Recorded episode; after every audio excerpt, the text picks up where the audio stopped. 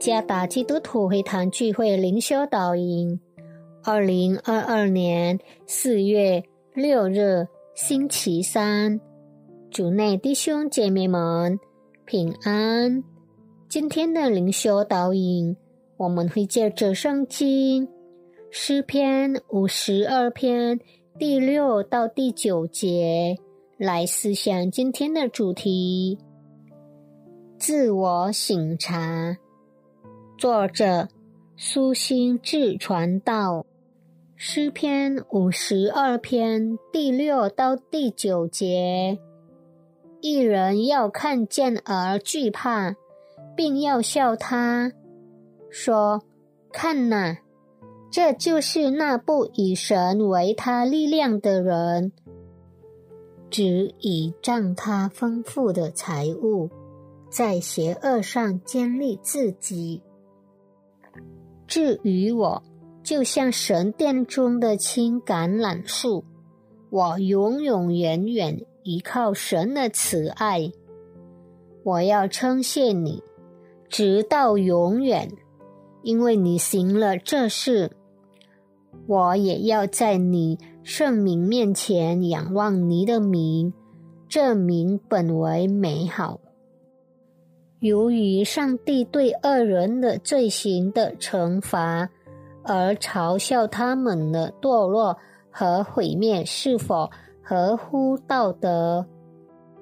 有些人可能对此感到无所谓，特别是当他是该罪行的受害者时。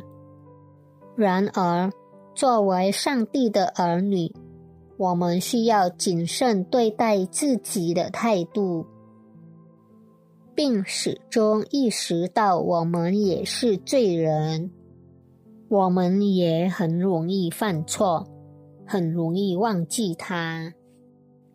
当我们看到别人失败或跌倒时，我们不应该感到满足。如果是这样，那么一个艺人。应该如何回应上帝的公义和对邪恶的惩罚？在诗篇五十二篇的最后一部分，大卫表达了他对上帝公义行为的回应。在后来的日子里，大卫也没有摆脱错误，所以他明智的教导了对恶人堕落的正确态度。第一，大卫因神的公义行作为赞美神。第九节，上帝不会允许恶人继续作恶，上帝必定介入。第二，大卫将自己的生命完全托付给上帝信实的爱。第八节。大卫意识到他也会对别人做错事。当他承认自己的错误，请求饶恕并悔改时，上帝就原谅了他。第三，大卫想将神的公义告诉别人，好让神的名得荣耀。第九节。大卫明白，上帝的公义高于人类所有的想象、动机和行为。上帝的公义是真实的，因为上帝在他公义的基础上行事，所以我们不应该感到高兴、满足。甚至嘲笑那些受到上帝公义惩罚的恶人。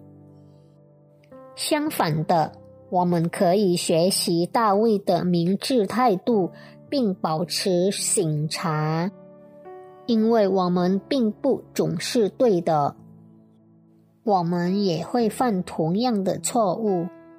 因此，作为上帝的儿女。我们可以继续不断在正确公益的行为上成长。我们可以在任何情况下结出公益的果子。好像橄榄树长在神的殿中。第八节，常年如是。别人的失败不应该使我们高兴，别人的罪行应该让我们自我反省。愿上帝赐福大家。